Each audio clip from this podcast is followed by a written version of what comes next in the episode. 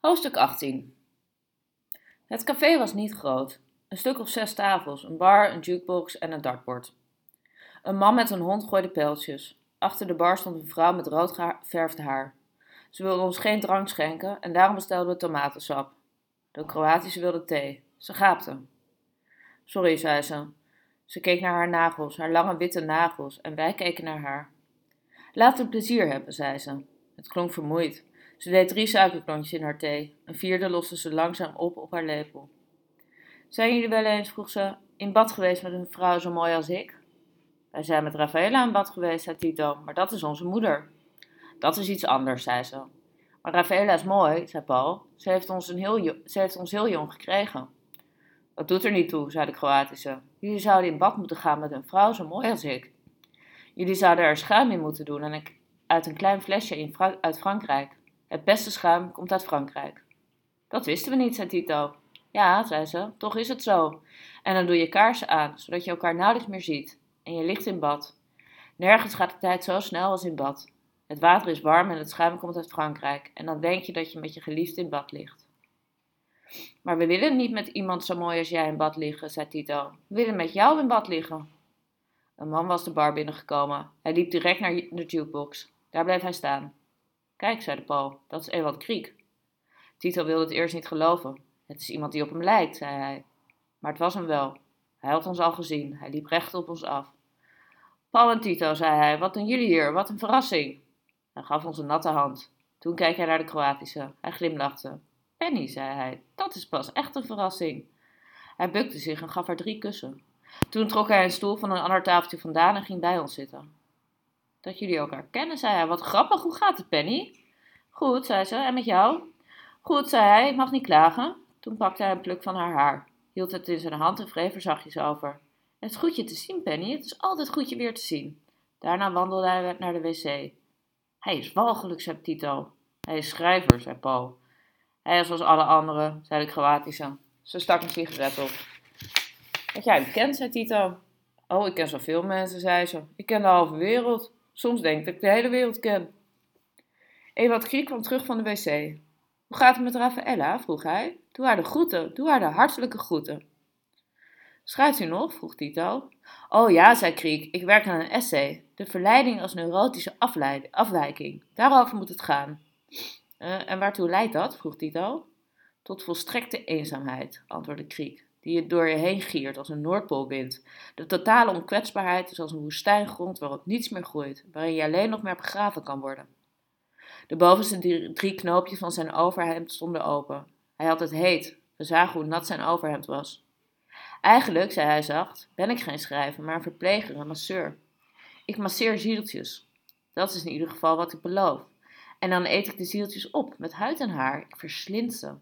Daarna ga ik weer verder, naar het volgende zieltje. Kroatische stond op, ze liep naar de wc. Kriek keek erna. En de liefde? vroeg Tito. Hij krabde aan zijn borst. Nu pas zagen we dat hij onder de muggenbeten zat. Misschien waren het geen muggenbeten. Een insect had hem, hem op allerlei plaatsen gebeten. Ieder heeft zijn antwoord, zei Kriek. Ik zou zeggen, het is de hoop dat er meer is dan elkaar gebruiken. Of die hoop gerechtvaardigd is, weet ik niet. Wil ik ook niet weten. Hoop is hoop. En misschien is hoop wel nooit gerechtvaardigd. Wie zal het zeggen? Toen wij zijn naar de wc. Goeie god, fluisterde hij. Ze is niet de mooiste, maar ze is de beste. Ik word gek als ik aan haar denk. Zijn linkerhand maakte beweging alsof hij een helikopter was die, door de, lucht, die de lucht in moest. De vrouw van de bar kwam bij ons tafeltje staan. Jij, zei, zei ze tegen Kriek. Jou serveer ik niet meer. Hij stond op. Er kleefde een groot stuk roze kauwgom aan zijn broek. Hij moest erop zijn gaan zitten zonder het in de gaten te hebben. Je moet me met iemand anders verwisselen, zei hij. Hoeveel mensen zien eruit zoals jij? vroeg ze. Uh, niet heel veel, zei hij, dat moet ik toegeven. Daarom. Wat heb ik gedaan? Dat weet je zelf het best. De Kroatische kwam terug van de wc. Geef hem wat te drinken, zei Kriek, en laat die ventilator wat harder draaien. De hitte maakt me gek. Opnieuw draaide zijn linkerhand door de lucht alsof hij een helikopter was die moest opstijgen. Jou serveer ik niet meer, herhaalde de bardame. Wat heeft hij gedaan? vroeg Tito. Daar wil ik het liever niet over hebben. Luister, zei Kriek. Als ik wil, koop ik deze bar. Ik koop hem, als ik er zin in heb. En dan ben jij de eerste die eruit vliegt, begrijp je? Dus geef me wat te drinken. Ik ben niet bang voor jou, zei ze. Ik ben niet bang voor jou. Ze liep terug naar de bar. Kriek, ging weer zitten, hij haalde zijn schouders op. Geen respect, fluisterde hij, geen respect. Met de rug van zijn hand wreef hij over de wang van de Kroatische. Penny, zei hij, Penny, jouw naam zou ik nooit vergeten. Hij stond op. In het oor van Tito fluisterde hij: beste, absoluut het beste. Ik word gek als ik aan haar denk. Gaat u weer aan het werk? vroeg Paul. Hij knikte. De verleiding als neurotische afleiding, seks als neurotische afwijking, contact als neurotische afwijking, schrijven als neurotische afwijking. Alles valt samen als het goed is, als het goed is, mompelde hij. Opnieuw krabde hij aan zijn borst. De bulten moest erg jeuken. We zagen dat hij sommige had opengekrapt. Plotseling bukte hij zich. Ik heb zeven creditcards, zei hij, waaronder vier zonder limiet. Als ik wil, koop ik deze bar, begrijp je, zonder maar met mijn ogen te knipperen. Als jullie geld nodig hebben, moeten jullie het aan me laten weten. Ik wil niet dat Rafaela aan iets ontbreekt. Het mag haar aan niets ontbreken. Toen liep hij naar de uitgang. Halverwege draaide hij zich om en kwam terug. Hij keek naar de Kroatische. Jij bent de beste, zei hij. Penny, jij bent de beste. Ik weet het, zei ze. Ze keek hem recht aan. Ga nu maar, zei ze, het is goed zo. Hij keek ons aan. Ik ben een schoft, zei hij. Volgens sommigen zelfs een grote schoft. Ik zeg dit zonder trots, maar ook zonder valse schaamte. We bleven hem aankijken en persten alle minachting die we maar hadden in onze, uit in onze ogen. Tot ze begonnen te tranen, maar we betwijfelden of hij het heeft gezien. Hij wurmde zijn hand in zijn broekzak en haalde er zijn creditcards uit. Weet jullie wat dit zijn? zei hij machinegeweren en daarmee schiet ik de eenzaamheid aan flarden. tak. Kan het iedereen aanbevelen. Toen liep hij weg. Bij de deur bleef hij staan. Zet die ventilator harder, riep hij. Wil je ons allemaal dood hebben? En weer maakte hij met zijn hand een beweging alsof hij een helikopter was die moest opstijgen. Hij is walgelijk, zei Tito. Hij is ziek, zei Paul. Hij is als alle anderen, herhaalde de Kroatische. Hij heeft grappige krullen. Ze stond op. Ik moet naar het noorden, zei ze. Jullie kunnen me naar de metro brengen. En je auto? vroeg Tito. Oh, die laat ik hier. Het was donker buiten, maar niet afgekoeld. We liepen naar Franklin Street Station. Ze hield haar rok vast, als altijd. Is er nog iets wat jullie moeten weten? vroeg ze. We aarzelden. Goed dan, zei ze. Gebruik je haren. Wrijf met je haren over hun buik en hun benen, alsof je kopjes geeft. En dan, voor je het in je mond neemt, veeg je je haren uit je gezicht. Je kijkt ze recht aan. Je kijkt ze aan alsof je ze wil hypnotiseren. Als je een brandende bramenstruik ziet. Zo doe je dat. Ik kan het weten, ik ben de beste. Toen glipte ze een kruidenierswinkeltje in. We gingen haar achterna. Dat jij die Ewald Kriek kent, zei Tito. Ze haalde haar schouders op. Ze liep naar de toonbank. Ik ben, ik ben dol op Orangina, zei ze. Heeft u Orangina? De kruidenier knikte. Drie, zei ze. Hij gaf haar drie flesjes. Op de achtergrond speelde Un dos tres, Maria. We herkennen het. Het was een van Rafaela's lievelingsliedjes. Ik betaal, zei ze. Vandaag trakteer ik. Buiten openden de flesjes. We stoten de flesjes sinaasappelsap tegen elkaar. Op het leven, zeiden we. Op het leven, zeiden we. Op het volgend leven, zei ze. Op het volgend leven, zeiden we. Op het leven dat voor je gemaakt is als een bruidsjurk die de beste kleermaker voor je ontworpen heeft. Laten we op, op dat leven drinken. Op dat leven, zeiden we. Nu eten we nog wat tic-tacs en dan ga ik er vandoor. Ze haalde een doosje uit haar tas en verdeelde de inhoud tussen ons drieën. We waren bij het metrostation aangekomen. Moeten we mee naar beneden? vroegen we. Nee, zei ze, dat hoeft niet. Ze sloot haar tas. Niemand kan zo lekker neuken als ik, zei ze. Niemand. Toen renden ze de trappen af. We bleven buiten staan en dronken ons flesje orangina leeg. Hoofdstuk 19 Rafaela zat aan de keukentafel. Ze had de hele dag gesolliciteerd, vertelde ze. Ze was langs diverse bars en koffiehuizen gelopen, maar niemand had haar nodig, op dit moment. Ze rookte. We moeten hier weg, zei ze. We moeten terug. We hebben hier geen toekomst. We hebben nergens een toekomst, zei Tito. Kun je niet een van je aanbidders om hulp vragen? vroeg Paul. Ze schudde haar hoofd. Nee, zei ze, dat kan niet. We bleven nog even in de keuken staan. We zeiden niet dat we eenmaal Kriek waren tegengekomen. We zeiden niet dat hij ons had gevraagd haar de groeten te doen. We zeiden ook niet dat hij ons geld had aangeboden. Want we zouden nog liever doodgaan dan geld aannemen van Ewald Kriek. We gingen naar bed. We hebben al een paar dagen niets in ons schrift geschreven, zei Tito. We hadden tevoorschijn, maar er was zoveel te vertellen dat we niet wisten wat we moesten vertellen. Ten slotte schreven we alleen maar: Nadat ze alles gedaan heeft, maakt ze haar oren schoon met een wattenstaafje. Anders vergeet ze het. Vroeger droeg ze een pruik om ouder te lijken. Toen zeiden we ons avondgebed voor Rafaela, voor de Kroatische, voor onszelf, voor de toekomst, voor een leven dat ons, ons zal passen als een op maat gesneden bruidsjurk. Ze heeft alles met ons gedaan, zei Tito. Paul knikte. Ze heeft alles met ons gedaan. We waren een wereld binnengegaan waar mensen tegen elkaar zeiden: Doe alles met me. En waar het antwoord luidde: Ja, ik zal alles met je doen. Hoofdstuk 20 De Kroatische is wereldberoemd. Ze staat op de voorpagina van alle kranten. Op de voorpagina van de New York Post en in de Daily News zelfs met foto. Op de voorpagina van de Times niet met foto, maar wel op de voorpagina. Ze kijkt uitdagend op de foto's en hooghartig. Het flitslicht verblindt haar. Ze draagt dezelfde blouse die ze aan had toen wij Orangina dronken. De New York Post heeft een heel groot 42 op haar borst afgedrukt. 42. Dat is het aantal messteken dat ze heeft toegediend. Ze schijnt zelfs door te zijn gegaan met steken toen de man al lang dood was. De politie is verbaasd over haar kracht. Ze heeft ook nog geprobeerd zijn handen af te hakken, maar dat is niet gelukt. Zijn handen hingen nog aan zijn armen. Zij het een beetje losjes. Zijn we hebben het allemaal uit de krant. De hele middag hebben we niets anders gedaan dan kranten lezen. Het is gebeurd in Central Park, vlakbij de roeibotenvijver. Volgens de politie is er geen bewijs dat de man haar heeft aangevallen of dat ze de man kende. Ze hebben haar heel gemakkelijk gevonden. Ze liep gewoon over straat, er zat nog bloed aan haar enkel. Dat had ze er niet eens vanaf gehaald. We begrijpen er niets van. Er is niet meer bekend. Ze heeft de man s'avonds ontmoet in het park. Er, er is iets meer bekend. Ze heeft de man s'avonds ontmoet in het park. Ze hebben samen een biertje gedronken, toen zijn ze gaan wandelen. Tijdens het wandelen heeft ze hem 42 keer gestoken en daarna geprobeerd zijn handen af te hakken. Hij heeft haar niet aangevallen. Volgens de politie. Ze hadden elkaar voor die tijd nooit ontmoet. Ze stond opnieuw op de voorpagina, dit keer met gebogen hoofd. Ze heeft bekend, de aanklager overweegt de doodstraf. Buiten bij de school stonden allemaal televisieploegen en journalisten. We wisten precies wat we moesten zeggen.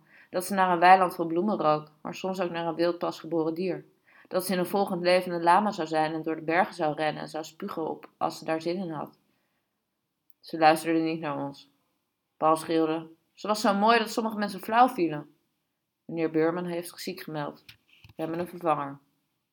We willen haar een brief schrijven, maar weten niet wat we moeten schrijven. Daarom bidden we voor haar.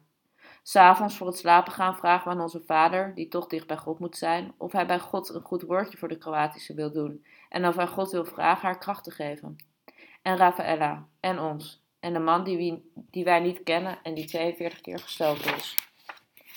Ze heeft een advocaat in zijn hand gebeten. Ze wil geen advocaat.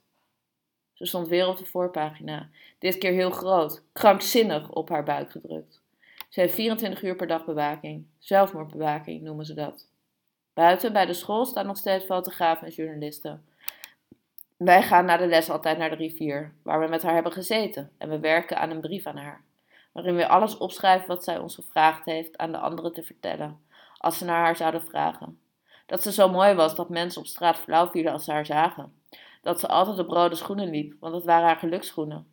En dat ze stuiterballen aan de armen heeft gegeven. Dat ze heel veel van Orangina hield.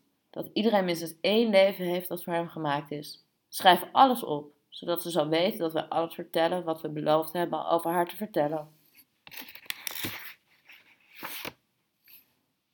Hoofdstuk 21 Vandaag zijn we ondervraagd door de politie.